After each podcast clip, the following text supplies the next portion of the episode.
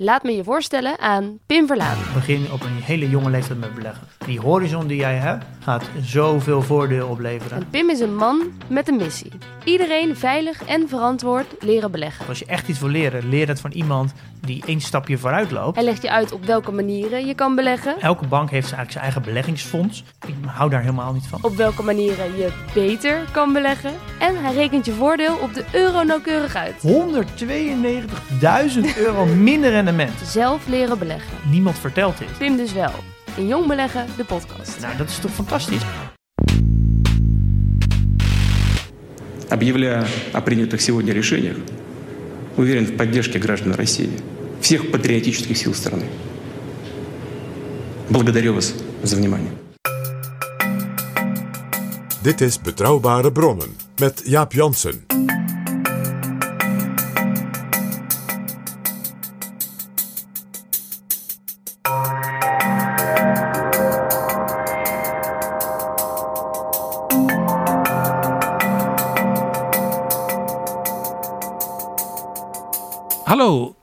Welkom in Betrouwbare Bronnen, aflevering 253. En welkom ook PG. Dag Jaap.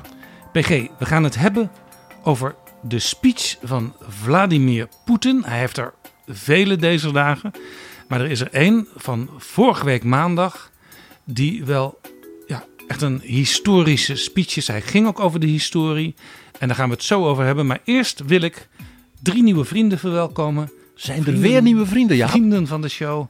Maurits, welkom. Arjen, welkom. En Herman, welkom.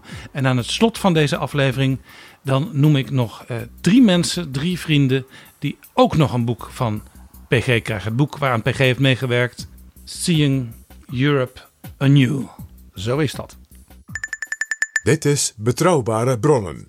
PG, we gaan praten naar aanleiding van die enorme toespraak van Poetin eh, vorige week maandag Ja, want op 21 februari. even onderstrepen, Jaap.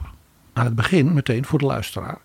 De president vraagt dus zendtijd op alle zenders in Rusland. En dan weet je, dan komt er een belangrijke mededeling van de president. Hè, en dan aan het eind het volkslied, zoals we dat gewend zijn. En zo'n speech is acht minuten, elf minuten, zoiets.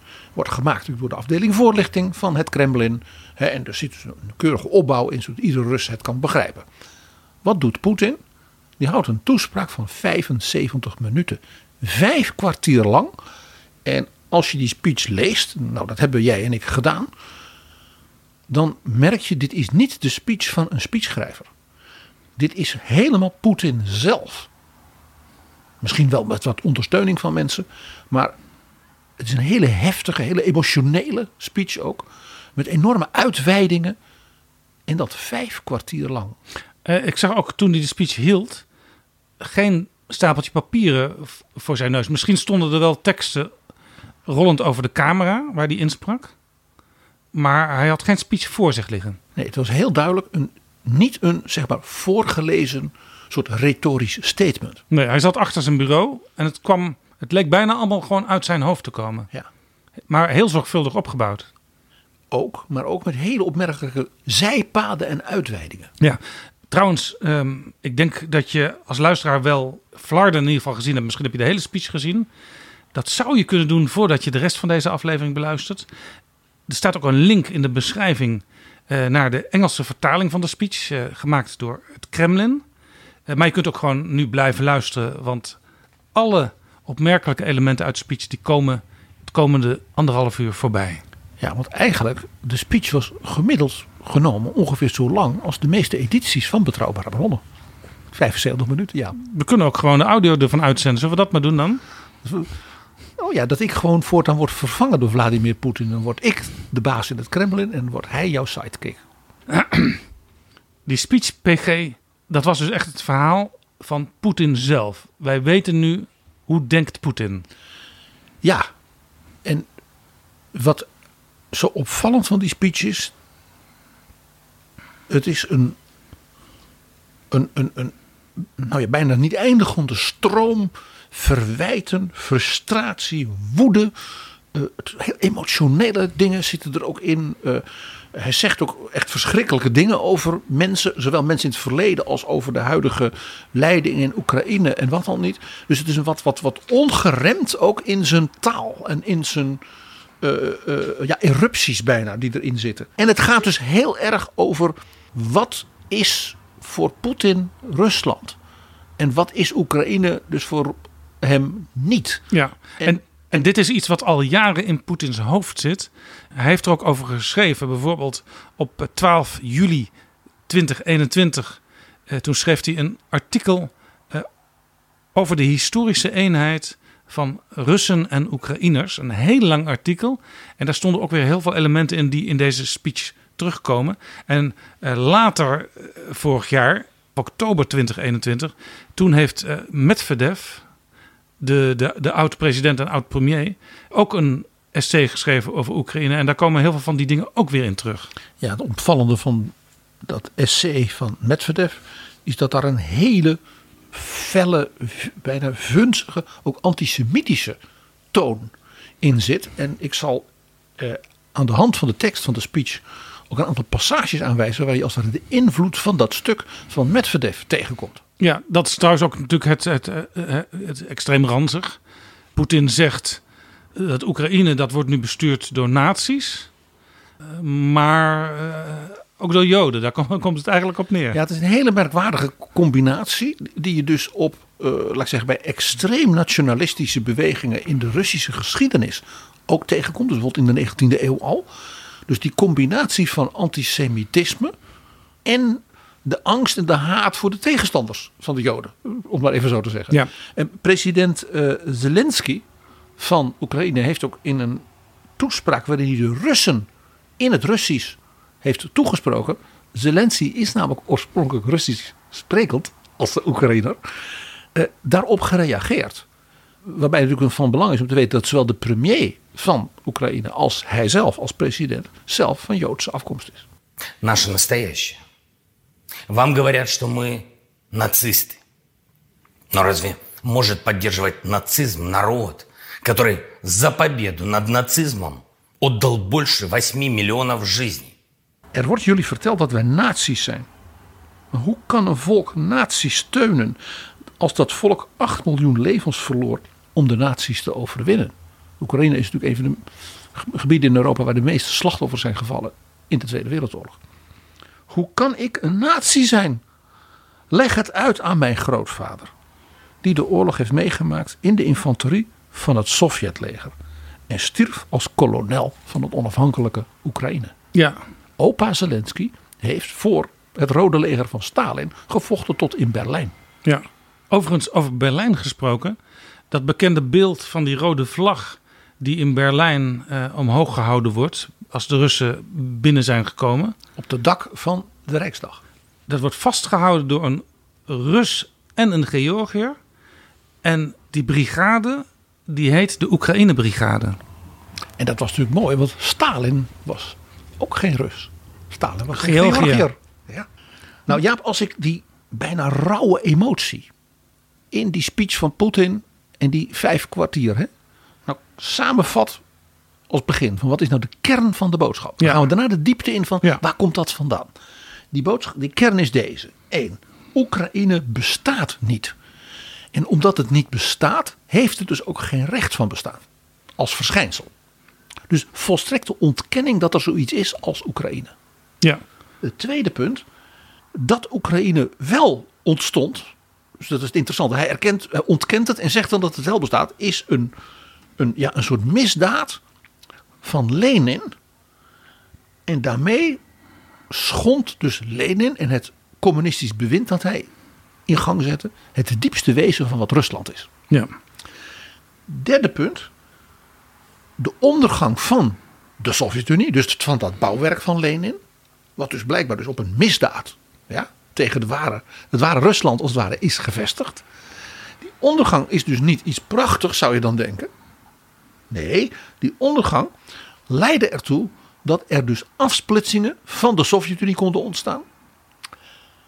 En dat was ook weer een misdaad. ja. En het vierde punt is En daardoor is dus dat bewind in Oekraïne en in Kiev ontstaan. En dat zijn dus allemaal fascisten en Joden. Hè, we hebben het er net over gehad. En daar zit ook weer het Westen achter. En dat is dus ook weer net als dus wat Lenin had gedaan. Een aantasting, een schending van het ware Rusland. En dat ware Rusland moet hersteld worden. Want zonder Oekraïne als deel van Rusland kan Rusland als zeg maar imperium niet bestaan. Dus het is voor Poetin een existentiële zaak waar hij dus nu mee bezig is. Je moet dus niet, het is heel belangrijk om te onthouden, dat zal je ook zien in de historische kanten die hij aanroept. Het gaat dus helemaal niet om zeg maar, de uitbreiding van de NATO naar het oosten. Dat zijn allemaal argumenten die erbij gehaald worden. Het gaat dus om de existentiële waarde van wat Rusland zelf is. Ja, doe denk aan een oude Sovjetgrap. De toekomst is zeker. Het is het verleden dat blijft veranderen. Zo is dat. Poetin is woedend. Dat, dat blijkt wel uit zijn gedrag eh, van de afgelopen week. Hij lijkt ook wanhopig. Ja, hij zei dus deze dagen tegen een aantal generaals. Van eh, eigenlijk zouden we met de militairen van Oekraïne maar moeten. Dan kon je misschien wel mee onderhandelen. Maar met die drugsverslaafde naties van de regering van Kiev niet. Dat, zijn dus, ja, dat is een soort taal waarvan je denkt dat is niet de taal van iemand die een plan heeft. Dat wordt nu uitgevoerd. Hè, dat is een invasie. En hij is als het ware bezig met die endgame en kijkt dus als het ware bijna kil, sereen naar hoe dat gaat. Ja, nou ja, hij hoopt dat het Oekraïnse leger zich, zich overgeeft. En dat doen ze voorlopig nog niet. Nee, in tegendeel. En je ziet dus ook hier weer dus die wat ik noem, die wat rauwe emotie in Poetin. Ja, waar die vandaan komt, dus die combinatie van woede en inderdaad een soort wanhoop. eh, dat is, Oekraïne bestaat niet. Het is dus ook geen buurland van Rusland. Het bestaat niet. Het kan dus ook niet een buffer zijn. Wat sommige mensen hier in het Westen eh, ook zeg maar, Poetin verstehen. Hè, zoals de Duitsers moeten zeggen. Ja, je moet ze toch zo'n buffer gunnen. Nee, dat kan helemaal niet. Want Ja. Oekraïne bestaat niet. Nou ja, zelfs Macron heeft wel gezegd, misschien een soort Finland-status zou een idee kunnen zijn. Ja, dat eh, moet je de Finnen ook vooral vragen wat dat inhoudt. Eh, maar ook daar, dat is dus een misverstand. Oekraïne kan dus ook geen vazalstaat of zoiets van, van Rusland zijn. Want Oekraïne bestaat niet. Heeft dus ook geen bestaansrecht. Dat hele idee is een, een discussie ook geweest, heel intens, in de 19e eeuw. Over ja, wat is Rusland nou eigenlijk? Een discussie die werd het felst gevoerd ja, je zal zeggen, daar heb je hem weer, PG. Onder tsaar Nicolaas I, het rolmodel van Poetin. Ja. En dat was de strijd om de fundamentele lotsbestemming van Rusland. Is nou het lot van Rusland dat het een Europees land is? Dat zich als het ware in toenemende mate met de rest van Europa ja, als het ware vereenzelvigt. Dus ook zijn cultuur, zijn politiek en alles. Zoals dat natuurlijk de hoogtijdagen was. Natuurlijk in de tijd van Catharina de Grote. En natuurlijk haar kleinzoon Alexander die Napoleon versloeg. Toen, toen was Rusland een, zich helemaal op Europa richtende grootmacht. ja, het is natuurlijk ook gewoon geografisch als je de kaart bekijkt. eh, ligt Rusland verdeeld over het Europese deel. En ja, hoe zou je het andere deel kunnen omschrijven? Dat is Aziatisch.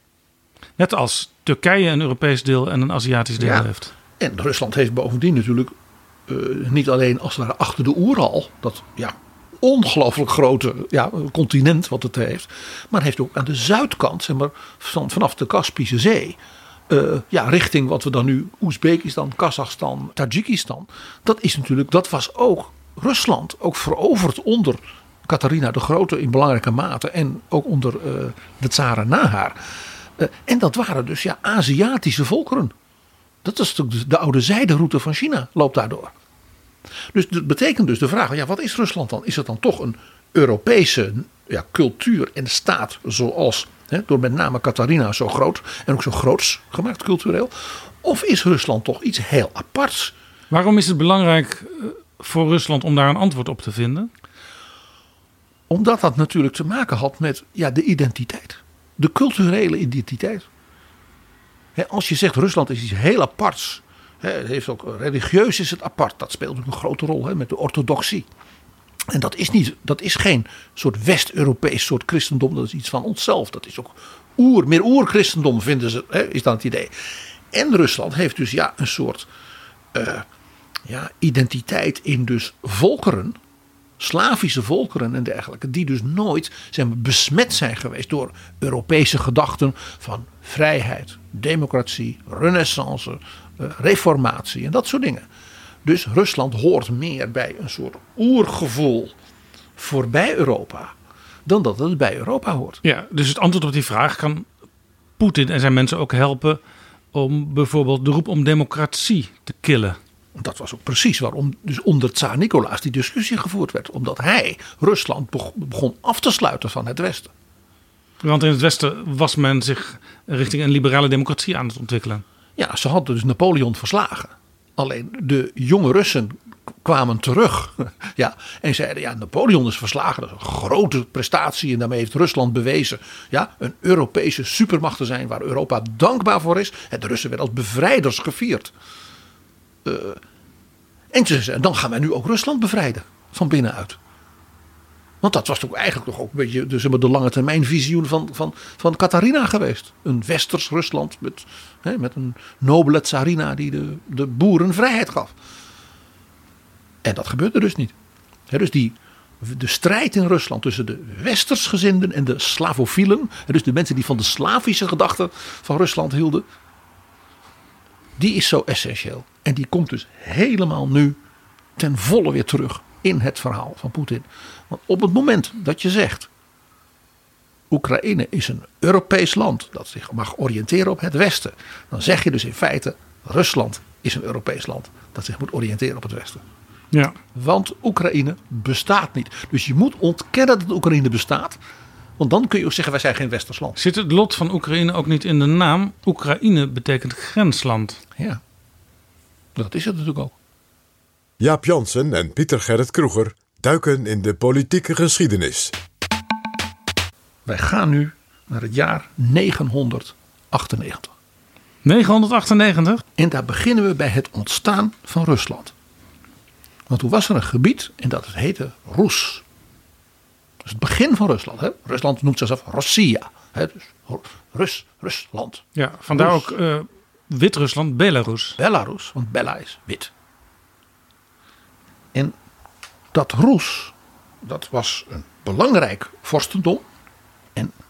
Raad jij eens wat de grote stad daarvan was. Dat was Kiev. Oorsprong van Rusland en van het hele idee van Rusland, ook als grote mogendheid, is Kiev.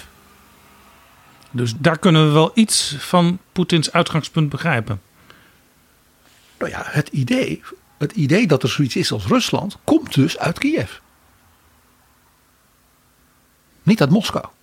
Het, gaat, ja, het, is nog, toch, nog, nog opmerkelijker. Dat Roes van Kiev, de heersers daarvan, dat waren vikingen. Die kwamen natuurlijk uit Scandinavië door al die rivieren hè, die noord-zuid door Rusland lopen.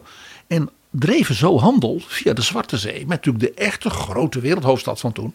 Byzantium, Ja. Constantinopel. Ja. De stad van het grote christelijke keizerrijk. Dat was overgebleven na het Romeinse keizerrijk in Rome. Byzantium was het tweede Rome. Die vikingen die hadden een alliantie met die keizer. Dat was een handelspartner en ook die huurde heel graag vikingen in. Dat is niet zo raar. Want dat waren grote, blonde, sterke kerels. Scandinaviërs. Net als je ze nu ook wel ziet in de sport en dergelijke. En dus die keizer die had een garde.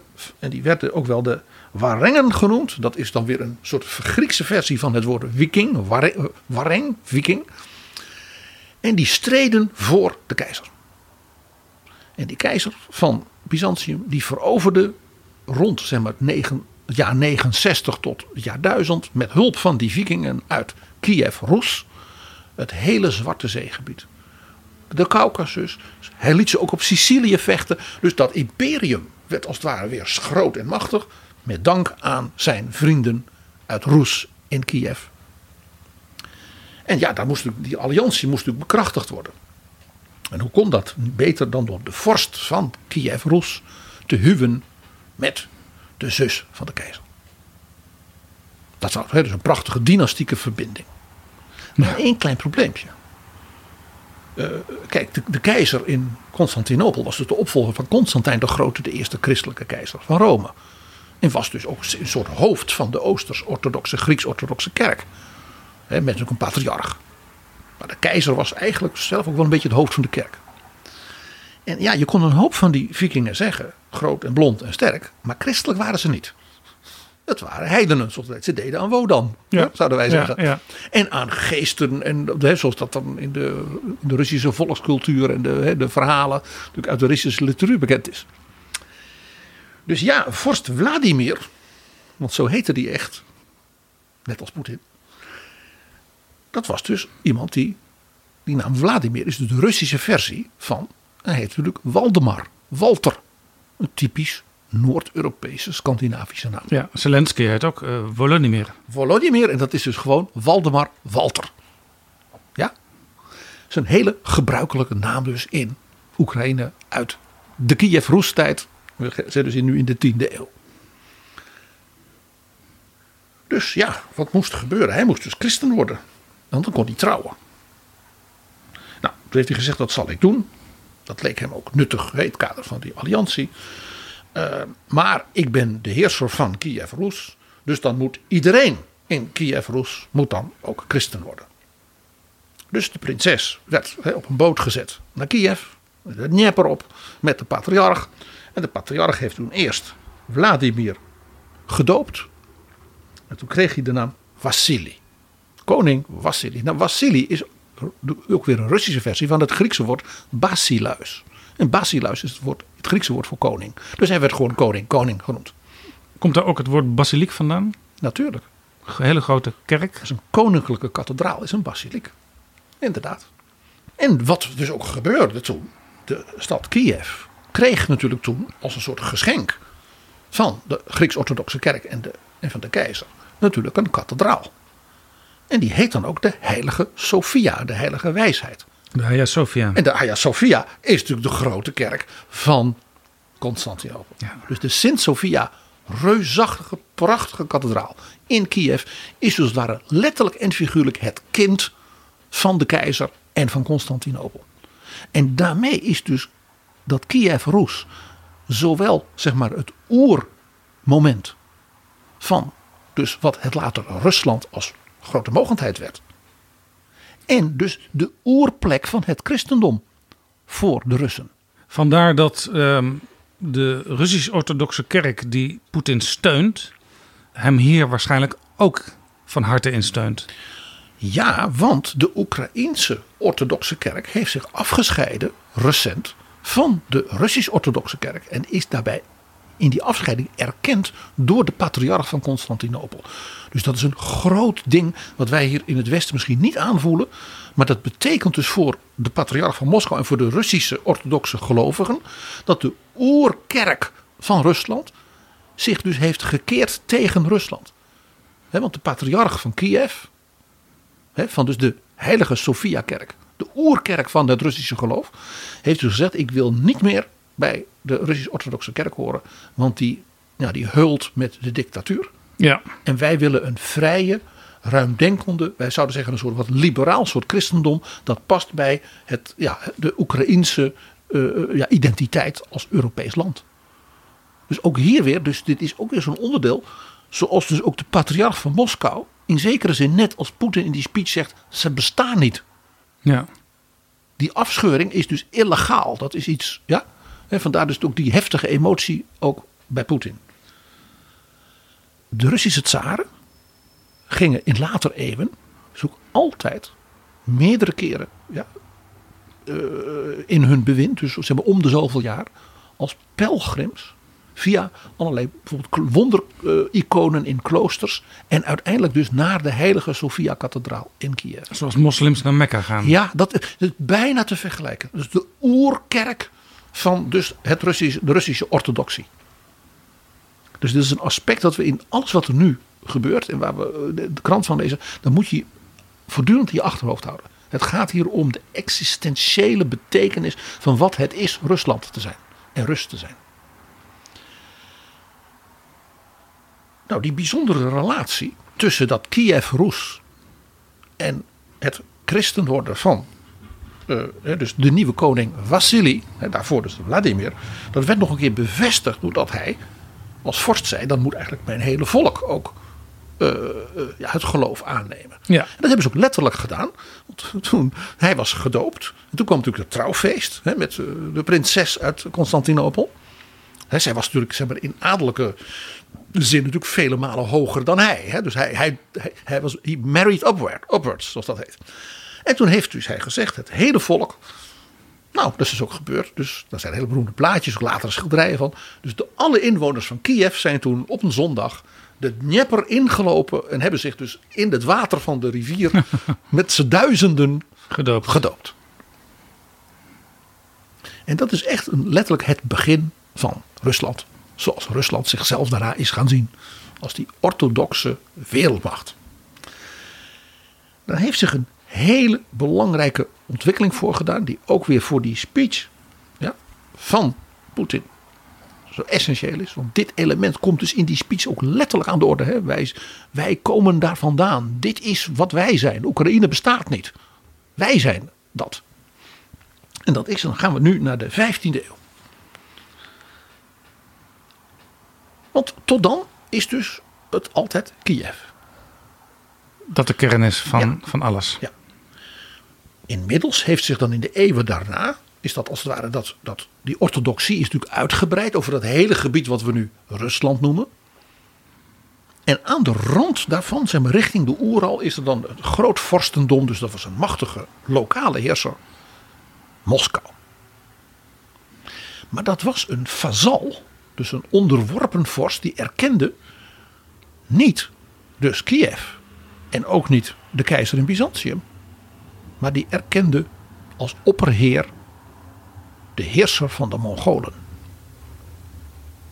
Dat is iets wat wij ook in West-Europa bijna helemaal niet meer weten. Nee, waar, waar kunnen we de Mongolen eh, lokaliseren? Mongolië. Dat was het allergrootste in oppervlakte. Dus boven China. Ja. Dat was, is het allergrootste in oppervlakte rijk in de wereldgeschiedenis. Het Mongoolse rijk van de middeleeuwen. En dan moet je denken als Genghis Khan, eh, Timur Lenk en dat, dat soort ook vaak hè, in de films en in de, zelfs in de opera en de geschiedenis veel voorkomende legendarische heersers. Hè, die hadden dus met, die, met, die, met hun paarden, hè, want dat was natuurlijk het, eh, waarom ze zo beroemd waren. die trokken dus met hun paardjes en die plunderden dan overal zoals dat heette.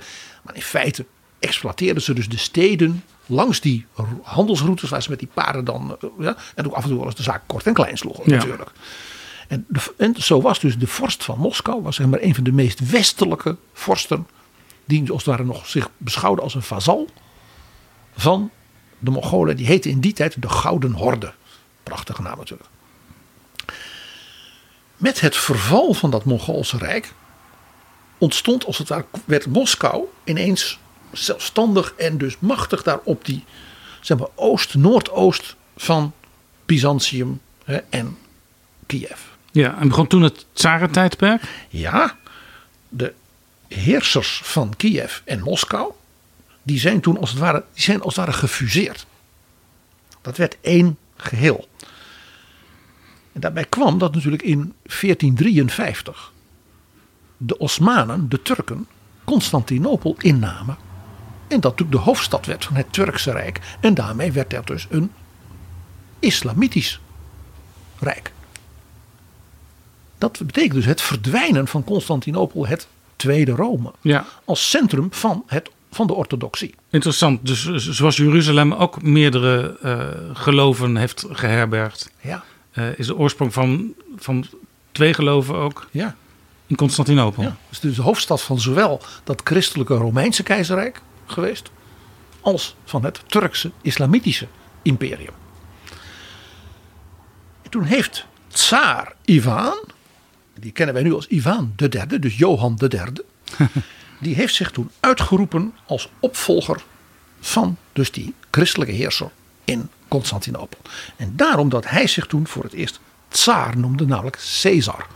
Dus dat was de titel van de keizers in Byzantium. Ja. En de, de, de orthodoxe kerk van Moskou en Kiev heeft zich dus toen ook afgescheiden van dus die Grieks-orthodoxe kerk. Die als kerk wel in dus het nieuwe Istanbul bleef gevestigd, maar daar natuurlijk niet meer de baas was. Ja. En daarom noemde men sindsdien Moskou ook het derde Rome.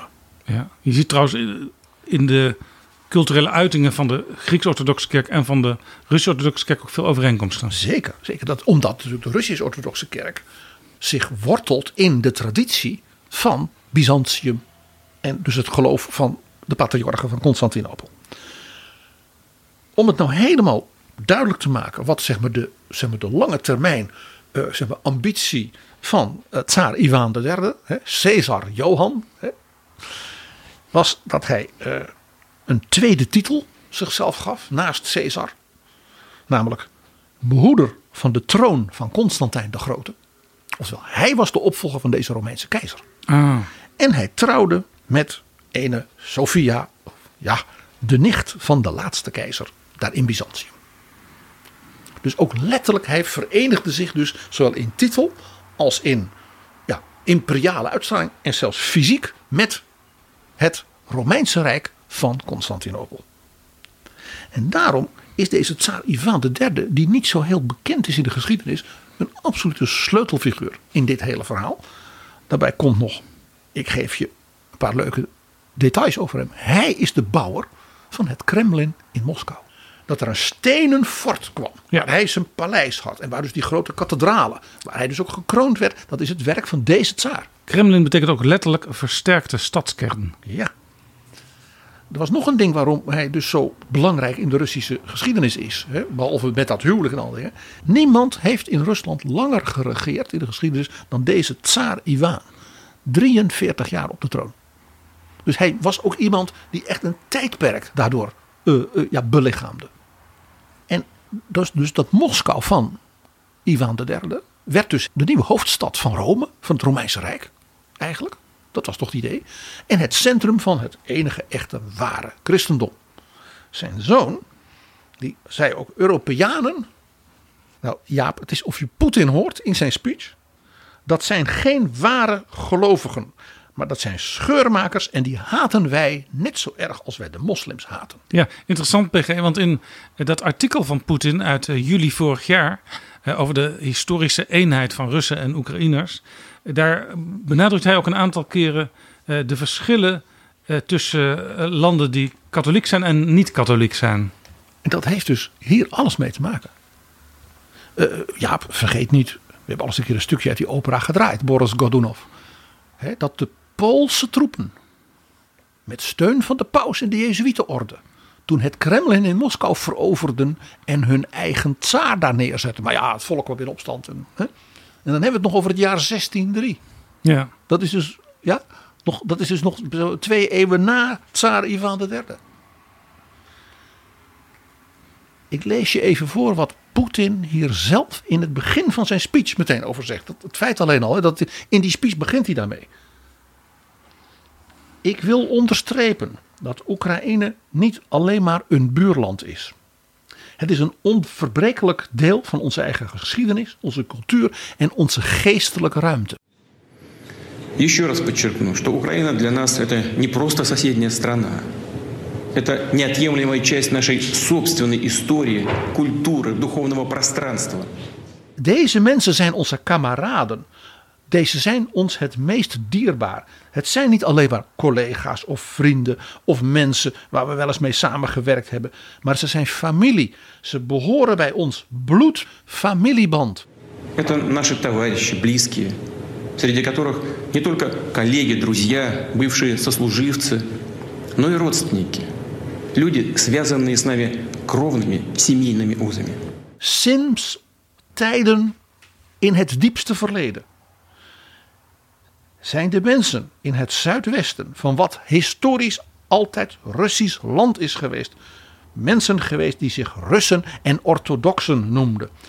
Dat was al in de tijd voor de 17e eeuw, toen een deel van dat territorium zich bij de Russische staat voegde.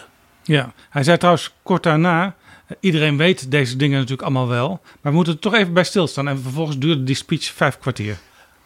Zo diep is dit. Poetin heeft trouwens ook een keer een, een film laten maken. Hè? Eh, ondergang van een imperium, de les van Byzantium. Dat is ook zo bijzonder. Dus een, een film die gewoon in opdracht van het Kremlin is gemaakt. En die gaat dus daarover dat dus Constantinopel, dus het tweede Rome, ja, ten onder ging tegen de Turken.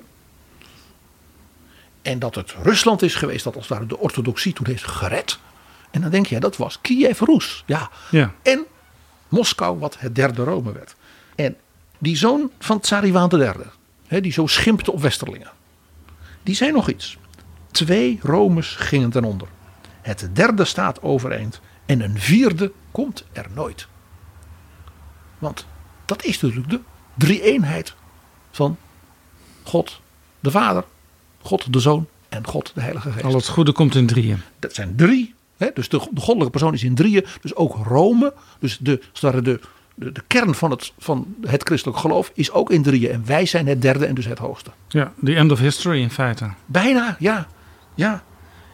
Ik citeer even uit die film. In die film wordt dus dat hele verhaal geschilderd. En dan wordt aan het slot het volgende gezegd. Rusland is de spirituele opvolger van het Byzantijnse Rijk.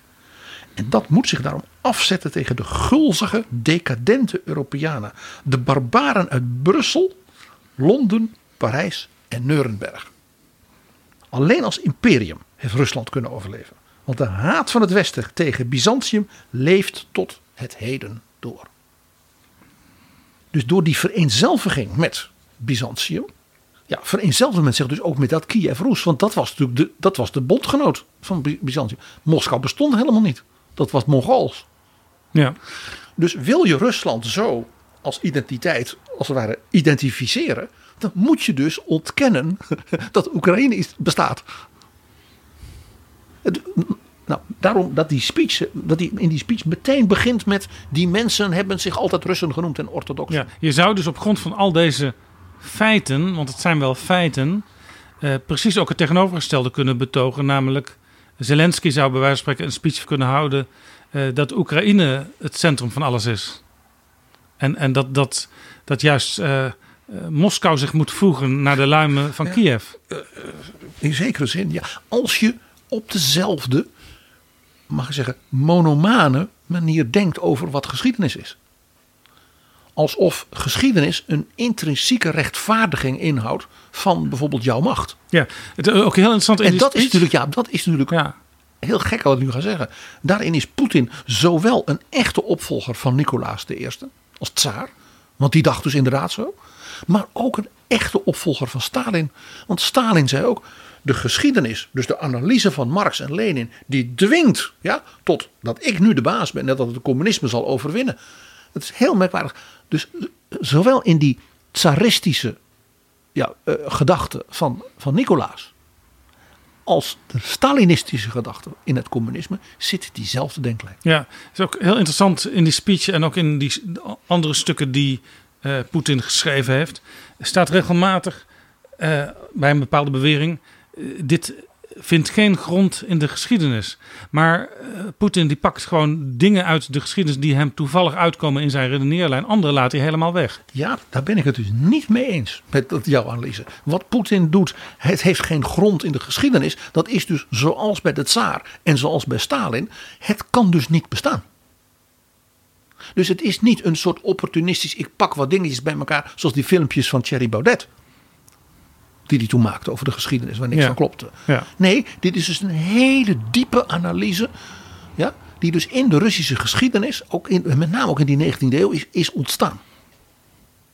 En dat heeft dus te maken met hoe de Russen zichzelf zien. Nee, maar toch, hij, hij, hij pakt elementen uit de geschiedenis en hij interpreteert die in zijn denklijn. Zeker, ja. Dat kun je niet ontkennen, PG. Zeker. Je hebt hem, daar heb, daarin heb je gelijk. En ik zal ook een, straks, als je dat goed vindt, een paar dingetjes in zijn speech aanstippen. waarin die dingen ook even vergeet. Gelukkig. En even dingen. gelukkig. Nou ja, dat je denkt, ja, dat is, wel, dat is wel een beetje handig om nu even niet eraan te herinneren in de geschiedenis dat en dan en dat. Ja. Dus die tsaar Ivan, en zeker eh, tsaar Ivan de derde, is dus een sleutelfiguur in deze hele redenering. Dus de hele geschiedenis is ondenkbaar zonder dus die 43 jaar van Ivan III. Hè, die zich op de troon in Moskou en die zich de behoeder van de troon van Constantijn de Grote ging noemen.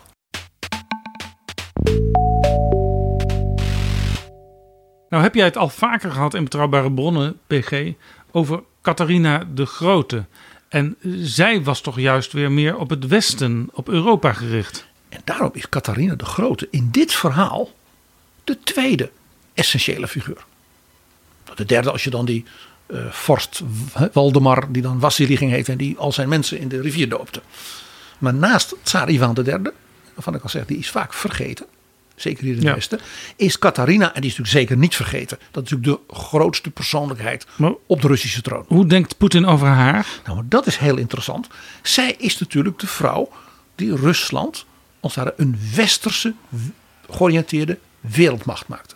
Dat eerste vindt hij vreselijk. Dat tweede frustreert hem. Dat het blijkbaar ook op die manier kon. Nou, dat is nog erger. Als je ziet wat Catharina veroverde. Dat deed ze niet in haar eentje natuurlijk.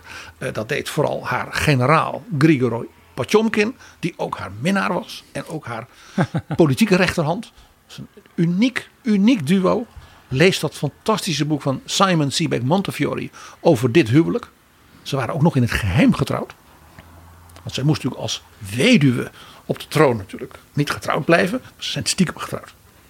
Nou, Potjomkin heeft veroverd. Ik doe het even heel kort, Jaap. De hele kust van de Zwarte Zee. Die nu zo belangrijk is. De Krim.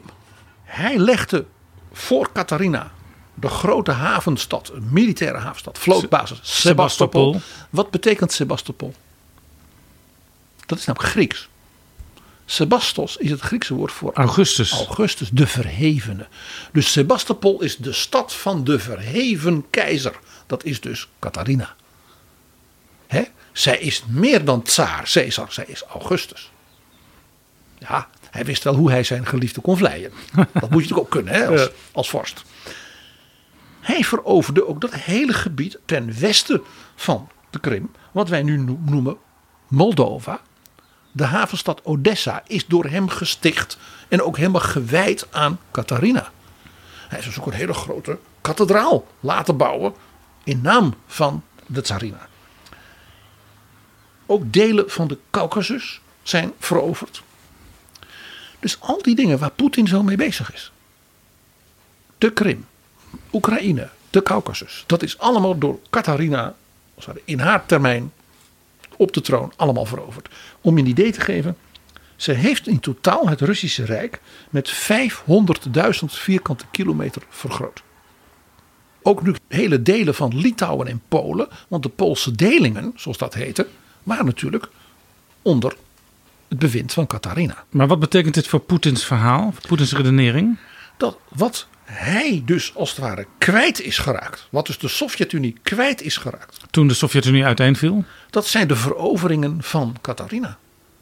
Rusland is dus niet meer een wereldmacht. De woede van Poetin, weet je nog, dat Obama toen zei: Rusland is een belangrijk land en is een regional power. Had Obama beter niet kunnen zeggen. Dat was het grootste Dat affront. is wel waar, maar hij had het beter niet kunnen zeggen. Omdat dat waar was. Rusland zonder het Nova, Novia Rossia.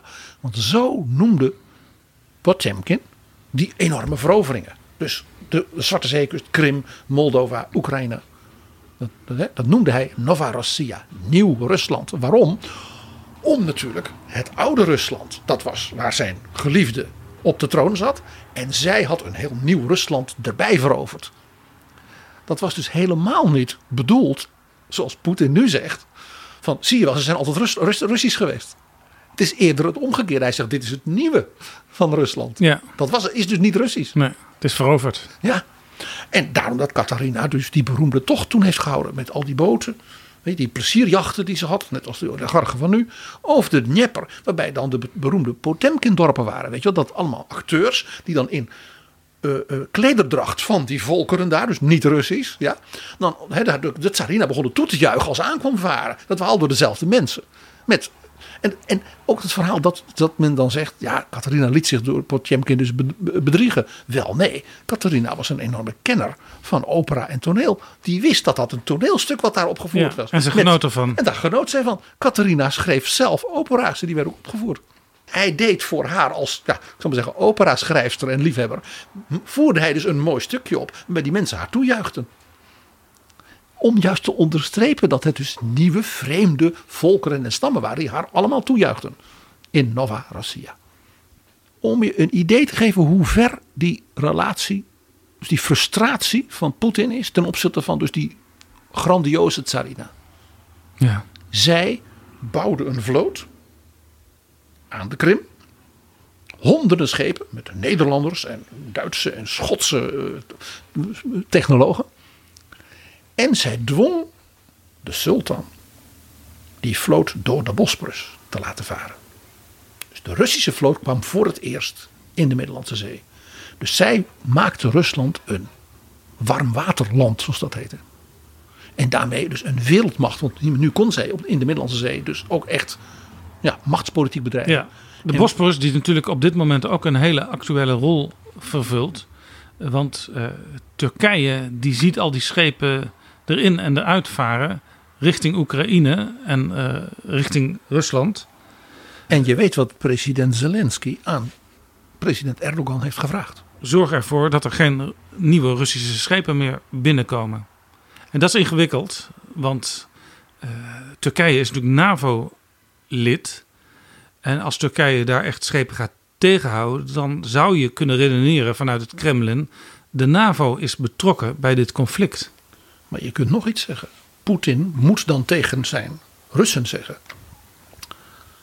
Ik heb de- deze machtspolitieke ja, strategie van onze tsarina Catharina de Grote verpest. Want onze schepen mogen niet meer door de Bosporus. Dat hebben jullie aan mij te danken. Aan mijn politiek.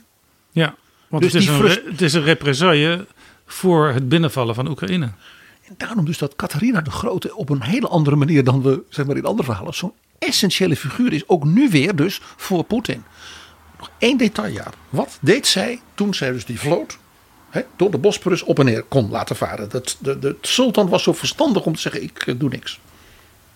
Want die denkt anders dan gaat Potjomkin nog meer gebieden van mij veroveren. Dat had hij al zo gedaan. Hè? Toen zei ze, als tsarina van Rusland en van het, dus het derde Rome, ben ik dus ook de beschermvrouwen, de moeder van alle christenen. En in het bijzonder de christenen in het heilige land. En dat is hè, bij het graf van Jezus. In Jeruzalem. Ja. Dus eigenlijk moet Rusland Palestina gaan regeren. Dus zij heeft serieus haar vloot, dus bombardementen laten uitvoeren. Om dus de plaatselijke heersers daar eh, tot de orde te roepen. Op in Libanon en in Syrië. Dus de interventie van Poetin in, In Syrië? Syrië heeft direct voor iedere Rus herkenbare relaties met dus dat moment dat dus die tsarina Rusland een wereldmacht maakte. Ja, waar overigens militair deskundigen over zeggen dat het Russische leger in, in, in Syrië eh, heeft daar keihard huis gehouden. En dat het verbaast sommigen Doen ze nog, hoor. eigenlijk dat dat in eh, Oekraïne op dit moment nog niet te zien is. Oekraïne bestaat niet. Het is Rusland. Het zijn Russen. Dus daar ga je anders mee om dan met mensen in Syrië. In de speech van Poetin. Want we halen hem er gewoon weer even bij. Want hij is ja, zo rijk, zal ik maar zeggen, aan inhoud. Er zit een passage in. En dat je denkt, dat je denkt van, van wat een emotie daar ook in zit rondom dus de tijd van Catharina. Hij begint dan een heel verhaal over de havenstad Ochakov. En Ochakov is een van die havens die dus Potjomkin bouwde voor Catharina. En dan zegt hij, ik lees voor. In de 18e eeuw, soldaten van Alexander Suvorov vochten om deze stad, dus tegen de Turken. Dankzij hun moed werd dit deel van Rusland. Ook in de 18e eeuw werden de landen van de Zwarte Zee aan de kust geïncorporeerd in Rusland als, als resultaat van oorlogen tegen de Ottomanen. En men gaf het de naam Novorossiya. Nu wordt gedaan alsof dat iets slechts is. Alsof je dit grote deel van onze geschiedenis moet vergeten. Net als de namen van de grote figuren van de staat en het leger van het Russische leger. Zonder wie dit imperium en het moderne Oekraïne niet eens zulke prachtige steden zou hebben. En ook helemaal geen, geen band met de Zwarte Zee. Het monument voor generaal Alexander Suvorov is recent omgetrokken in Poltava. Ja. Wat kan ik nog meer zeggen? Zijn jullie dus je geschiedenis aan het ontkennen? De zogenaamde koloniale erfenis van het Russische keizerrijk. Nou, wees dan eens consistent. Недавно в Полтаве снесли памятник Александру Суворову. Что тут скажешь? Отказываетесь от собственного прошлого, от так называемого колониального наследия Российской империи? Ну тогда будьте здесь последовательны. Dus Poetin ging helemaal los op het feit dat dus het, sch- het standbeeld van generaal Suvorov uit de 18e eeuw was omgehaald. Ja, dit is dus ook voor jou een, een bewijs dat er geen eh, tekstschrijver of tekstschrijvers aan te pas zijn gekomen. Althans, niet in de versie zoals Poetin maar uiteindelijk heeft uitgesproken. Weet je waar het aan deed denken? Aan Trump in zo'n rally. Ja. Dan had hij ook altijd een tekst, maar dan ging hij van alle kanten op. Dat duurde ook altijd meestal anderhalf uur. En er zat er geen kop en staart aan. Nee, ook dat heel zit vaak, bij Poetin wel. Heel veel herhalingen van vorige bijeenkomsten. En soms ook gewoon ging die in op wat iemand riep, uitgebreid. Ja, maar diezelfde soort, soort, soort, soort rauwe emotie zit hier ook. En, en nou ja, ik vertelde dit heel even over Catharina, omdat hij dus een, een van die generaals, zeg de assistenten van Potjomkin, die, krijgt een soort hoofdrol in deze speech. Zo diep zit dus die frustratie, die emotie ook ten opzichte van het Rusland van deze grote tsarina. Dat zijn wij kwijt. Wij zijn inderdaad die regional power en dat, nou ja, dat mag niet langer.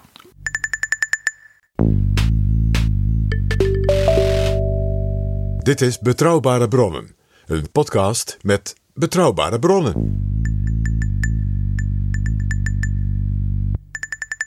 PG, Poetin betoogt dus eigenlijk dat Kiev, Oekraïne, is eh, de oorsprong, de, de oeroorsprong van Rusland. En dus kun je eigenlijk Oekraïne niet apart beschouwen als land. Het bestaat dus niet. En tegelijkertijd dus- dan zie je dus ook hoe, hoe verwrongen dat als het ware in die emotie zit. Be- Beroept hij zich dus op dat Potjomkin voor Catharina het Novorossiya noemde. Nieuw-Rusland. Het was dus niet Rusland. Ja, dus het, het- vandaar ja, die, die worsteling ook in zijn, in zijn betoog. Ja, dus, dus zeg maar een, een, een schoolmeester die dit essay, als je het als een essay beschouwt, zou moeten eh, waarderen. Die zou er geen tien voor geven. Want die kan wel een aantal dingen met eh, Vlad bespreken. Ja. die niet helemaal consistent zijn in het verhaal zelf. Eh, We komen er nog wel een paar jaar. Eh, Oekraïne is dus ook voor Poetin. Het is het spirituele hart. Dus die missie van Rusland is het derde Rome. Ja, is natuurlijk gevestigd daar in de heilige Sofia-kathedraal van Kiev. En pas veel later dat Moskou dat werd. Dus zonder dat is Moskou niet het derde Rome, zonder Kiev. En dus kan het niet iets van zichzelf zijn. Nou, dan natuurlijk, ja, eh, Oekraïne. Hè, en ja, al die veroveringen van Catharina. Die staan natuurlijk voor dat Rusland een imperium was. Ja, Zoals ook in die film, hè. Zonder imperium, hè, dus zonder Oekraïne, kan Rusland niet overleven. Want Rusland is niet het Russische volk alleen. En waar zij dan wonen, het is. Het reikt tot Alaska. Het reikt tot de Himalaya. Ja, het grote delen van dus dat vroegere Mongoolse Rijk is natuurlijk Russisch geworden. Maar het reikt ook ja, in, langs die zijderoute eh, in de Caucasus en richting Perzië. En daar is dus Oekraïne ja, de, de essentie van. En het vierde punt. Ja, dat zei ook dat. Oekraïne staat dus ook voor Rusland. Heeft, een rol in de wereldpolitiek. Zoals door Catharina natuurlijk gevestigd als warmwaterhaven. Met een vloot en alles wat erbij hoort. Waarbij dus Rusland ook in de Middellandse Zee, in het Midden-Oosten. Dus politiek ineens zichzelf kon breed maken. En al die dingen hangen dus samen met Oekraïne dat dat dus niet kan bestaan. Nou is er nog een tweede, ik wees al even op het grote belang van de tijd van tsaar Nicolaas I en dus die discussie zal je maar zeggen, die strijd over wat is Rusland nou? Is het nou dat westerse, die westerse supermacht van Catharina of is het iets oer-orthodox, eigenlijk ook deels Aziatisch, maar ook deels Byzantijns? In die tijd in die worsteling kwam er dus een enorme mode, zouden wij nu zeggen, cultureel van wat je zou kunnen zeggen folklore, Eh, we gaan het volk, de, de liedjes en de legendes van de boeren. Al die Russische, prachtige Russische muziek en Russische opera's van die tijd. Die gingen ook allemaal over de Russische geschiedenis. Boris Godunov, China, een, een, een, een leven voor de tsaar. Nou, al die opera's, we hebben er wel eens mooie stukjes uit gehoord in Betrouwbare Bronnen. Ook Oekraïne werd toen als het ware cultureel herontdekt. Want ook daar ging men dus in die mode naar de dorpen, de verhalen van de mensen, de legendes, de sprookjes, de liederen. En er was dus één literator die daar wereldberoemd door werd. En tot de dag van vandaag een van de grote, zeggen wij, Russische schrijvers is. Gogol. Nikolai Gogol. Dat was geen Rus, dat was een Oekraïner. En die werd dus beroemd en rijk, gaf het ook heel, heel veel uit, uh, door zijn Oekraïense volksverhalen en sprookjes en liederen.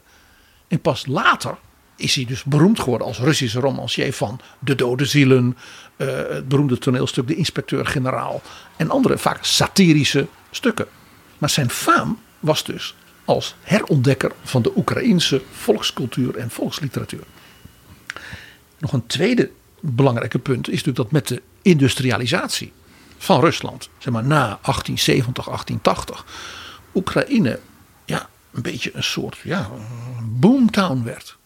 Ja. Want ja, die kolen, die staal, ja, Ja. wat ook later natuurlijk hè, de Donbass. Nou ja, die enorme eh, kaarten in de bosatlas die we vroeger op de middelbare school kregen. Daar stonden al die eh, grondstoffenbronnen en al die eh, industrieën, die stonden er allemaal mooi ingetekend. En die konden dus langs die enorme rivieren die Noord-Zuid lopen. Ja? Nou ja, daar was er dus water voor de koeling en dat soort dingen ook. Hè. Vandaar dus ook al die kerncentrales in Oekraïne. Denk aan Tsjernobyl. Dat is omdat het Oekraïne ook allemaal voor die grote rivieren heeft. En dus ook waterkrachtcentrales. Dus elektriciteit voor die industrialisatie. Wat dus met name onder Stalin gebeurde. Maar dat is al in de 19e eeuw begonnen. Waardoor dus Oekraïne ook economisch als het ware een machtig deel van het Tsarenrijk werd. Ja, dus dat moet je ook altijd heel goed erbij bedenken als er sprake is van verovering van een gebied.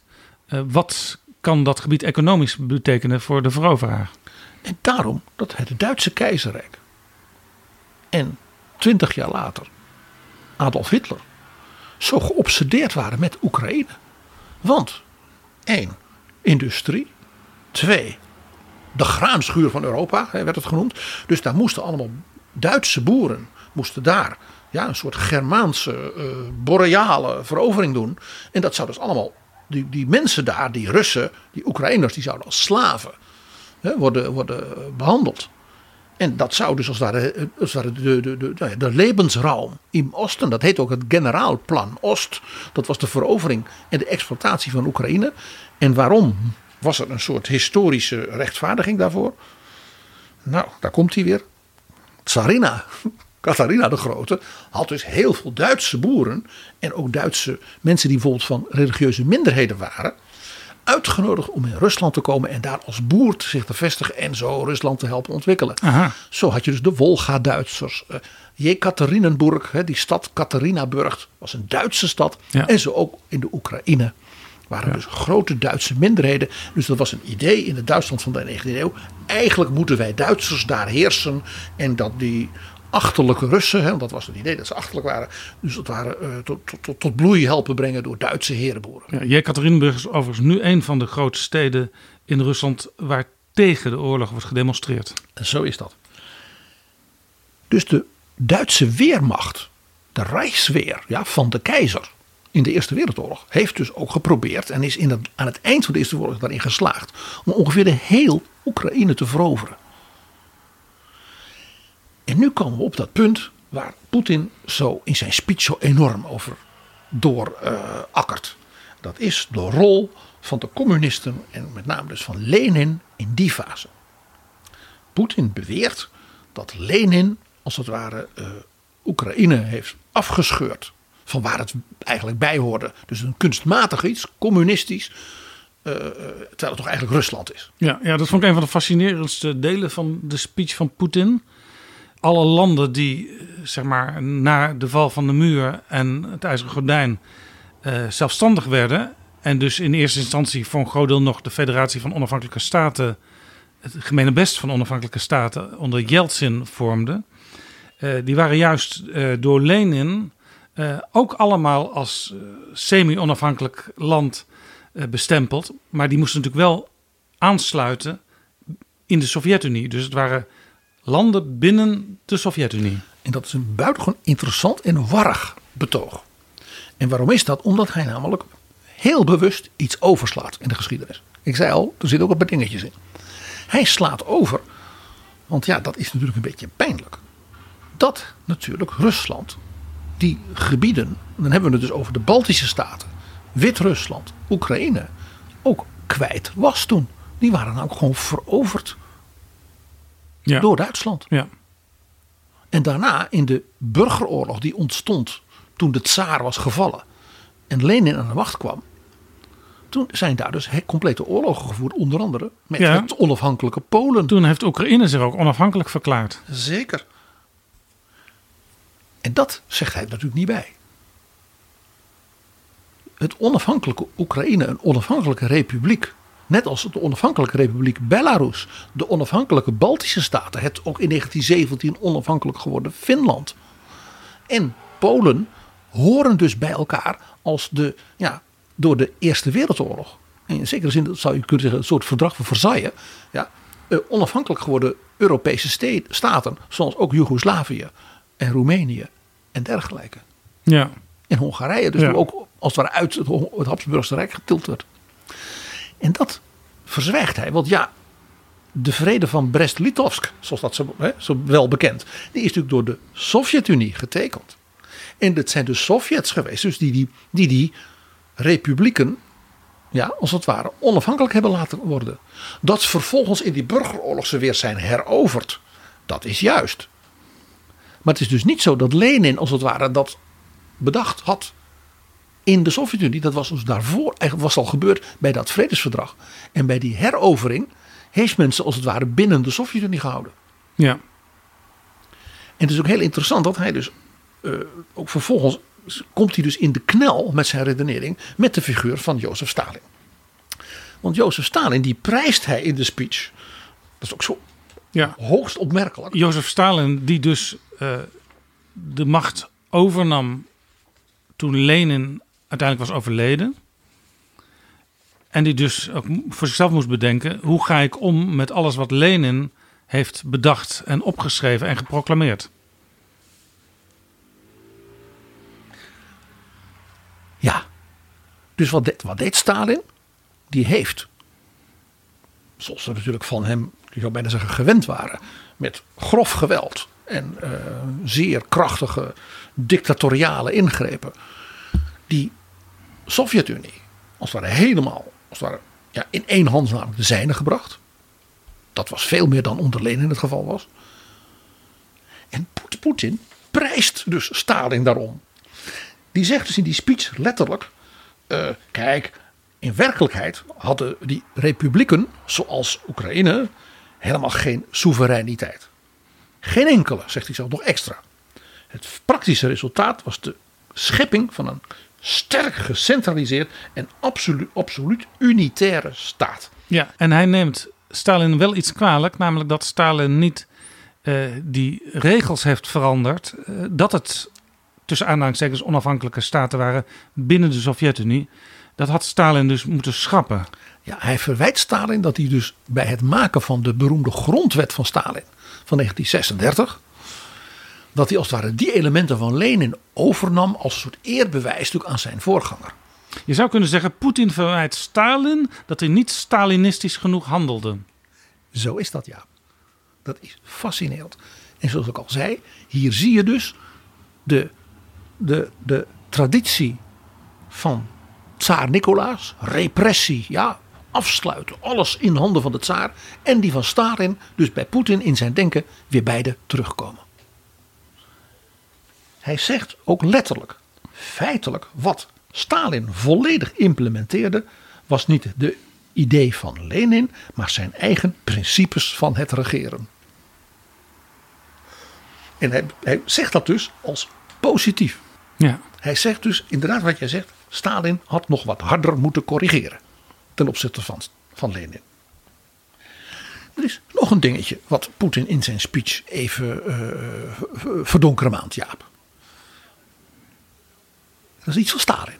Hij beweert dat Oekraïne ook daarom niet bestaat, omdat het eigenlijk dus oorspronkelijk een oer, ja, Kiev-Rus was. Dus dat was niet Oekraïne, dat was Rusland. En dat Stalin, om hem moverende redenen, aan die Oekraïnse republiek van Lenin, die eigenlijk er niet had moeten zijn, ook nog allerlei landen toevoegde. En dan zegt hij ja, in 1945 allerlei gebieden die dan eh, bij, bij Polen waren en zo. En dan heeft Khrushchev ook nog de Krim gegeven. Dit is natuurlijk een beetje handig van eh, Vladimir Poetin. Want Stalin heeft dat niet in 1945 gedaan. Jij weet wanneer hij dat wel deed. In 1939. Het is Molotov von Ribbentrop pact. Exact. Eigenlijk het pact Stalin-Hitler. Juist, dat was een deal van Stalin met de nazi's. En Poetin moet dat natuurlijk verzwijgen, omdat hij het Kiev ja, en Zelensky als nazi's en fascisten en als het ware, al- en vrienden als het ware van Hitler moet wegzetten. Althans, dat vindt hij. En dan komt hij een beetje knelders in zijn redenering.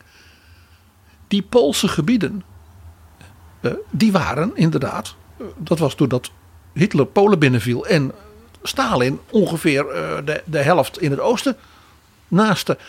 En nog zo'n ding, Jaap. Wat wij nu Moldova noemen, ja, en dus dat, dat zuid, zuidwestelijke deel van Oekraïne, dat was Roemeens. En dat is ook door Hitler en Stalin onderling verdeeld. Waarbij Hitler als het ware de rest van Roemenië en met name de oliebronnen kreeg. En Stalin dus dat hele gebied langs al die rivieren zeg maar, in de buurt van Odessa. Ja, ja. Maar Dat hoor je dus Poetin niet zeggen in zijn speech. In zijn uitgebreide historische verhandeling. Heel opmerkelijk. Ja, het is zelfs zo, PG, en dat, dat las ik in het essay van, van Poetin uit juli vorig jaar. Daar beschrijft hij dat in 1918, dat was dus in de periode dat Oekraïne zichzelf onafhankelijk verklaarde, wat hij dan weer niet op die manier opschrijft.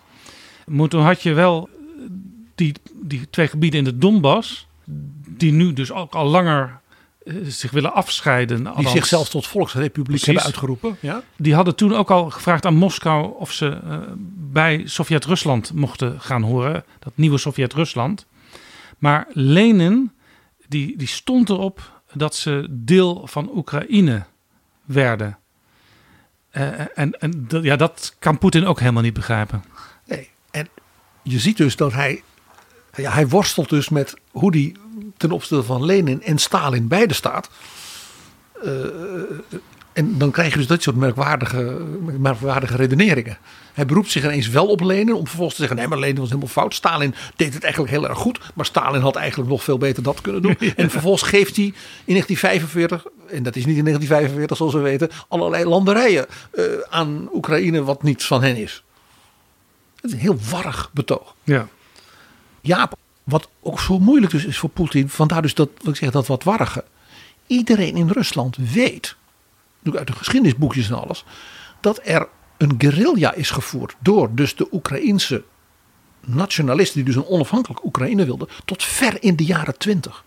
Die bleven dus gewoon in de bergen en in de bossen eh, als een soort guerrilla's tegen het Rode Leger vechten.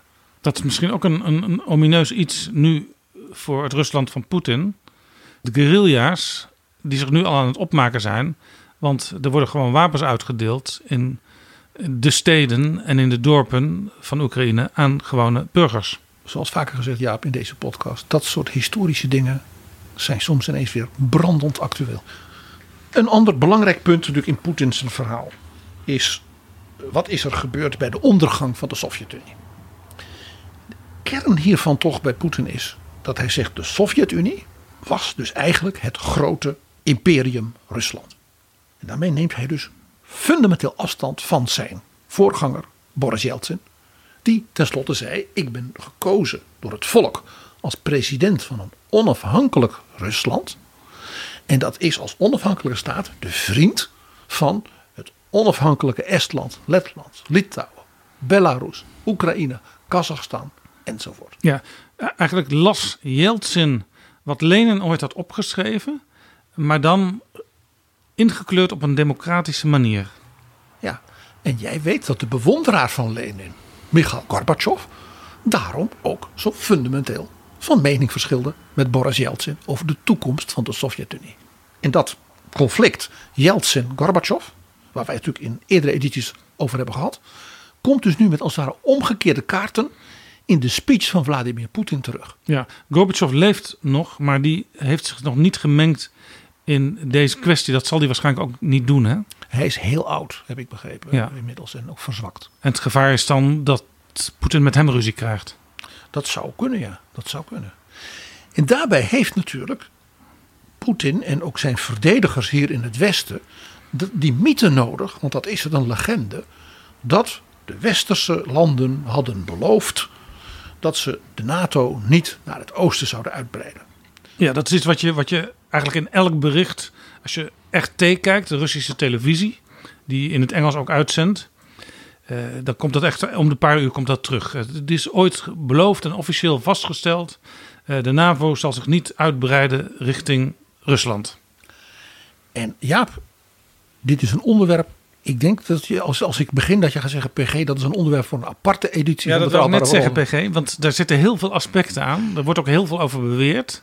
En er zijn ook verschillende momenten in de moderne geschiedenis dat dat aan de orde was. Dus laten we daar een andere keer over praten. Ik wijs op één dingetje. Poetin heeft namelijk op één punt gelijk. Terwijl ik zei, het is een legende. En toch heeft hij gelijk. Inderdaad. Het is de Amerikaanse minister van Buitenlandse Zaken, al vaker genoemd, James Baker III geweest. Die in gesprekken met Gorbachev en Kohl heeft gezegd: Ik begrijp de gevoelens van de Sovjets. Het Rode Leger zit met een half miljoen man en 400 kernraketten ja, op Duitse grondgebied in de DDR. En die moeten daar dus weg. Dat is een bittere pil. Dat snap ik. Kool gaat ook betalen dat die mensen allemaal een huis krijgen. Dat hebben de West-Duitsers, de West-Duitsers allemaal betaald. En ik beloof u dat ik zal mij daar sterk voor maken als Amerikaanse minister ook in de NATO bij mijn president Bush. Dat er geen NATO-troepen zich zullen legeren of gaan oefenen of dat soort dingen op dat gebied waar vroeger het Rode Leger in Duitsland was. Dus in die Neue Länder. Dus de, zeg maar de voormalige DDR, daar ging het over. Daar ging het over. En alleen de Bundesweer zou daar natuurlijk in Berlijn, als dat de hoofdstad was, natuurlijk dan mogen zijn. Maar geen troepen van andere NATO-staten. En met name de Verenigde Staten. Daar ging het natuurlijk om. En dat is tot de dag van vandaag ook zo gebleven. Baker heeft, heeft daar ook in zijn memoires en dat soort dingen ook gezegd. Ja, maar dat goed, gebaar heb ik bewust gemaakt uit respect voor Mikhail Gorbachev. Ja, maar de, het beeld wat geschapen wordt en de propaganda vanuit het Kremlin is... er zou sowieso helemaal niet worden uitgebreid door de NAVO. Eh, dus los van de oude DDR, eh, maar ook eh, Polen, Ho- Ho- Hongarije. Baltische Staten, noem ze allemaal maar op. En dat is dus niet waar. En dat doen we een andere keer. PG, we hadden in de vorige aflevering Guy Verhofstadt te gast. De beelden van hem en Hans van Balen op het onafhankelijkheidsplein, in die tijd Euromaidan genoemd, eh, die, die worden nog steeds vertoond. Je ziet ze ook veel op Twitter, maar ook op de Russische televisie. Eh, want er is een soort verhaal dat toen in feite ja, de, de veroveraars uit het Westen daar stonden om iedereen welkom te heten. Eh, van kom maar bij ons, kom maar bij ons. als het ware een bewijsstuk. Hè, met die twee liberalen op dat plein. Van zie je wel, die belofte van de NATO, we gaan ons niet uitbreiden. Hebben ze openlijk, waar iedereen bij stond, geschonden. En ze werden toegejuicht door dus die fascisten en nazi's. En wat ze allemaal over de mensen in Kiev zeggen. Ja, Het interessante is natuurlijk het omgekeerde. Dit zegt iets over waar Poetins diepe frustratie en angst zit. Die zit dus eigenlijk niet bij de NATO. Herinner jij je nog, Jaap, dat Anne Applebaum tegen ons zei: Poetin is doodsbenauwd voor Ja. die tentjes op dat plein. Die, die jonge mensen met die Europese vlaggen, die Europese waarden, die willen in Erasmus kunnen meedoen. Die willen. Daar is hij bang voor. ja Want dus als het eigenlijk daar zeg kan. maar de, het democratische Europa, het, het post-Koude Oorlog democratische Europa, daar is het hem uiteindelijk meer om te doen dan om de NAVO. De NAVO is een Is meer- uiting van die westerse alliantie. Ja. Maar de essentie is dat de, de jonge mensen in Letland en Eigenlijk- Estland kunnen reizen waar ze willen. Dat ze kunnen denken wat ze willen. Dat de, mensen, de jonge mensen in Kiev daar bereid voor waren. Hè, wat Verhofstadt vertelde. Ja. 49 hij, mensen hij door is snipers met enige overdrijving, maar misschien ook niet hoor, eh, bang dat de Europese vlag gehesen wordt op het Kremlin. Ja. Zoals toen die avond van kerst 1991 die wij onlangs in Betrouwbare Bronnen behandelden. Dat voor het laatst die rode vlag hè, omlaag ging. En dat toen de nieuwe vlag van Rusland van Yeltsin gehezen werd. Overigens, en dat, dat moet dan misschien soms best wel pijnlijk zijn ook voor, voor Poetin en zijn mensen. De, de Raad van Europa, waar eh, Rusland nu even geschorst is. Dat is waar zo'n beetje alle landen van Europa lid van zijn, dus ook buiten de Europese Unie. eh, die gebruiken ook die vlag en dat symbool met die blauwe achtergrond en die gouden sterren, die gele sterren. Zo is dat. En het interessante is natuurlijk, Poetin en zijn aanhangers hè, en fans hier in het Westen, die doen dus al alsof, ik zal maar zeggen, Verhofstadt en Van Balen, hè, als da- zich daar in de kaarten lieten kijken, zie je dat is dus de ware bedoeling. Maar wat is de werkelijkheid? De werkelijkheid is dat er in die acht jaar niets is veranderd. Oekraïne is geen lid van de EU geworden. Oekraïne is geen lid van de NATO geworden. Er is juist niks gebeurd. Er is juist geen uitbreiding Ja, nou, er is natuurlijk wel het associatieverdrag gekomen. Waarin eh, Oekraïne heel veel eh, rechten krijgt. eh, die, al bijna, die al bijna lidmaatschap zouden zijn. Waar het dat ze geen lid zijn. En dus ook niet mogen meepraten op belangrijke vergaderingen en meebeslissen. Maar daar zeg ik ondeugend, er is ook een associatieverdrag tussen Rusland en de NATO. Waarin de, de Rusland en de NATO als gelijken met elkaar op, omgaan en onderhandelen. Ja, er is zelfs een NAVO-Rusland-raad. Al heeft hij heel lang stilgelegen. Ja. Onlangs zijn ze weer gaan vergaderen. Dat is ook geen uitbreiding van de NATO naar het oosten. Nou, Jaap, wat zien we dus nu gebeuren? Met die speech eh, waarin Poetin zo tekeer gaat. Dat hij een soort, ja, niet meer in te houden soort woede en angst ook en frustratie uit. En zich dat ook uit op manieren die we niet eerder gewend waren. Er zit een passage in deze speech en die is openlijk antisemitisch. Oh, En dat is natuurlijk opmerkelijk als je tegelijkertijd zegt dat het nazi's zijn. ja. Eh, Vandaar dat ik ook zeg, het is, het is een soort, soort frustratie en woede en alles door elkaar. Wa- Waar is hij antisemitisch? Dat, ik moet erbij zeggen, PG. Het is altijd best wel vaak lastig. Soms is het heel duidelijk, maar soms ook best wel lastig om iets als antisemitisch te bestempelen. Maar goed, vertel even, waar zit dat in die speech? Dat zit in een passage waarin hij voor iedere Rus herkenbare termen gebruikt uit de grote campagne in het laatste jaar van Stalins leven, toen hij helemaal paranoia was en er een enorme anti-Joden-campagne is gevoerd tegen de cosmopolieten. En ook tegen Joodse dokters die hem hadden gedreigd te vergiftigen. Hij werd gewoon helemaal gek.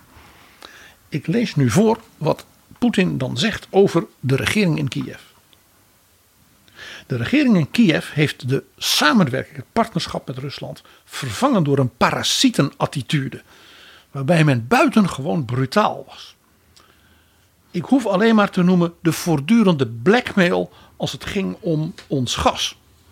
Ik kan nog toevoegen, hij zegt dus, hij zegt dus maar hij gaat dan door. Ik kan nog toevoegen, Kiev probeerde de dialoog met Rusland weer te gebruiken als onderhandelingstruc met het Westen zodat ze dan dreigden met ons samen te werken om het Westen te blackmailen en zo allerlei gunsten te krijgen en allemaal geld en invloed te hebben. Dit is klassiek antisemitisme. Een parasietenhouding. Die term komt dus uit de, zeg maar, de oerteksten van het antisemitisme. Ja, De die ken ik Joden ook zijn uit Nazi parasieten. Duitsland. Juist. En ze gebruiken ja, hun invloed stiekem om ons te blackmailen Вместо партнерства стало превалировать иждивенчество, которое со стороны киевских официальных властей подчас приобретало абсолютно бесцеремонный характер. Wat hij hiermee doet, ten eerste, is dat hij door Oekraïne als het ware het bestaansrecht te ontkennen. En bovendien de mensen daar dus inderdaad als parasieten, dus als ongedierte te bestempelen. Dat hij natuurlijk het idee van we waren toch partners en broedervolkeren kapot maakt. Ja, ja hier, hier valt ook een beetje zijn verhaal in duigen. dat de regering daar eh, vervangen moet worden en dat het leger eigenlijk best kan samenwerken.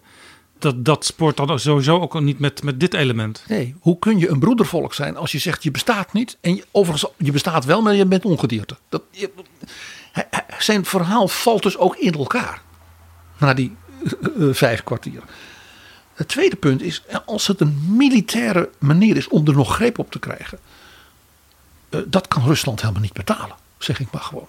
Je ziet dus ook de eh, Russische economie, de beurs, de roebel, wat dit volledig instorten. Ja, Nou, het derde punt wat we zien is, kijk, wat je nu ziet, is dat iedereen die een buur van Rusland is, nu en masse, ja, zoals hij zich bekeert tot Brussel en tot de NATO. Ik bedoel, Orbán, die zelfs zegt, eh, lieve Ursula, ik doe mee hoor, ik doe mee met Rusland uit de SWIFT gooien. De Finnen, die gewoon zeggen, nou ja, misschien moeten we maar gewoon lid van de NATO worden. Ja. Eh, Moldova, eh, nou de jongen, de mensen natuurlijk in Kiev. eh, Dus waarvan die zei die kon- dat hij het oorspronkelijk begonnen was om die voortdurende NAVO-uitbreiding en Kiev, wat nu eigenlijk ook al in de NAVO en in de Europese Unie zit, in sommige berichten wordt het gewoon zo gebracht vanuit Rusland. Het effect zou kunnen zijn dat hij dat nu wel eens ga- juist gaat bereiken in plaats van dat hij het tegenhoudt. dat hij dus bereikt. Dat dus die grote wereldstrategische overwinning van Catharina II met die vloot door de Bosporus wordt beëindigd. Nou, en dan natuurlijk een vierde punt. Hier kon dus inderdaad de Europese Unie en de Europese Commissie in Brussel als, als grote winnaar uitkomen. Omdat landen als Polen en Hongarije misschien toch nu wel hun knopen weer eens extra gaan tellen. Bij alle conflicten ja, met Brussel. Over aan welke kant, ik zeg het maar een beetje Hollands, aan welke kant hun boterham gesmeerd wordt. Ja, Eh, het eh, lonken naar Poetin, zoals Orbán ook wel deed. En ook eh, Slovenië en dergelijke. Dat is nu wel over. PG, we gaan naar het einde van dit gesprek. Maar jij wil nog één stukje voorlezen uit Poetins werk. Hij bespot de beloften van het Westen. Dat als nou Rusland een beetje aardig is tegen Kiev. Hè, dat het dan allemaal wel goed komt. En dat, ze bedo- we bedoelen het allemaal niet zo rottig. Hij zei, dat geloof ik helemaal niks van. Ik lees nu voor. Natuurlijk, ze zullen in de toekomst dan weer net zich zo gaan gedragen. Als ze altijd al doen. Volgens het bekende gezegde. De honden blaffen, maar de karavaan trekt verder. Собака лает, а караван идет. Nee, dat is Piet Steenkamp. Zou, zou Poetin jouw boek hebben gelezen, PG? Je zou toch bijna denken, ja. Het is misschien wel de beroemdste uitspraak van Piet Steenkamp in de politieke geschiedenis. De honden blaffen, maar de karavaan trekt verder. Dat ging over de oprichting van het CDA, waar veel om te doen was. Eh, links was natuurlijk niet blij. Eh, De, de, de media die hadden het er ook voortdurend over. En toen zei Steenkamp dit. Maar misschien heeft Steenkamp ook wel weer Russische literatuur gelezen. Eh, Steenkamp had heel veel gelezen. Dus wie weet kende hij deze Russische uitdrukking. En heeft hij hem tot de oprichtingsakte van het CDA gemaakt. PG, we constateren het al. Misschien bereikt Poetin wel het tegenovergestelde van wat hij zegt te willen. Namelijk alle landen om Rusland heen, de Europese landen, die klonteren samen. En die willen samen sterk zijn tegen wat Rusland misschien nog meer zou willen doen in de nabije toekomst. Hij raakt dus ook geïsoleerd, Poetin. En de tragiek hierin is dat hij dus hetzelfde bereikt, politiek, geopolitiek, als zijn grote voorbeeld, tsaar Nicolaas I. Daar gebeurde precies hetzelfde in de 19e eeuw hè, met vadertje tsaar en moedertje Rusland. Hij wilde ook erkenning van Rusland als wereldmacht. Buffers om zich heen, de Polen onderdrukken, op de Balkan. Hij schotte zich af van het Westen en die liberale en democratische ideeën. Repressie, hij, was, hij zag overal complotten. En uiteindelijk ging hij militair ten onder op de Krim. Dus het, ja, het tragische lot van tsaar Nicolaas I eh, eh, ja, is bijna, bijna, bijna griezelig. Ja, als je dus nu naar zijn, zijn leerling Vladimir Poetin kijkt. En daarom eindigen we, Jaap, met het Rusland van die 19e eeuw. Bij het Russische volk een invasie weerstaat van een tiran uit een ander land. En hem terugslaat En dat was Napoleon. Waar je het eerder al over had. Ja. Daar is ook dus een opera Beroemde scène over. roman van Tolstoy, Oorlog en Vrede. Wat is hij weer actueel? En daar heeft Prokofjev, de Russische componist, in de tijd van Stalin, ook om Stalin te pleasen, zo ging dat, een opera van gemaakt. En eerlijk, het is een briljante opera, want hij kon er wat van. En dat eindigt met het Russische volk, dat dus in triomf zingt Over het verslaan van Napoleon. en de bevrijding van deze invasie en dat nu het ware Rusland weer overeind staat. En de tragiek natuurlijk is dat daarna kwam Nicolaas. Tsaar Nicolaas, het voorbeeld van Poetin. Met repressie en niet met bevrijding en uiteindelijk met ondergang. En wat kun je dan beter horen, Jaap, dan de opera van Moskou. De Bolshoi. Met het slotkoor van Oorlog en Vrede van Prokofjev.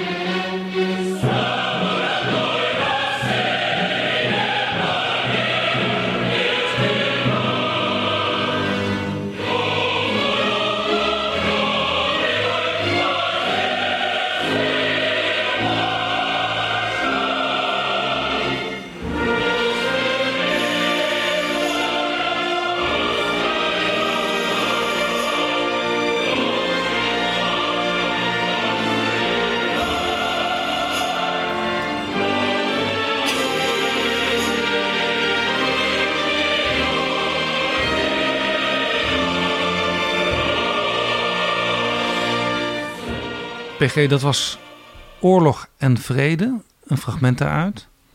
Het is nu oorlog. Laten we hopen op vrede. Zo is dat, Jaap.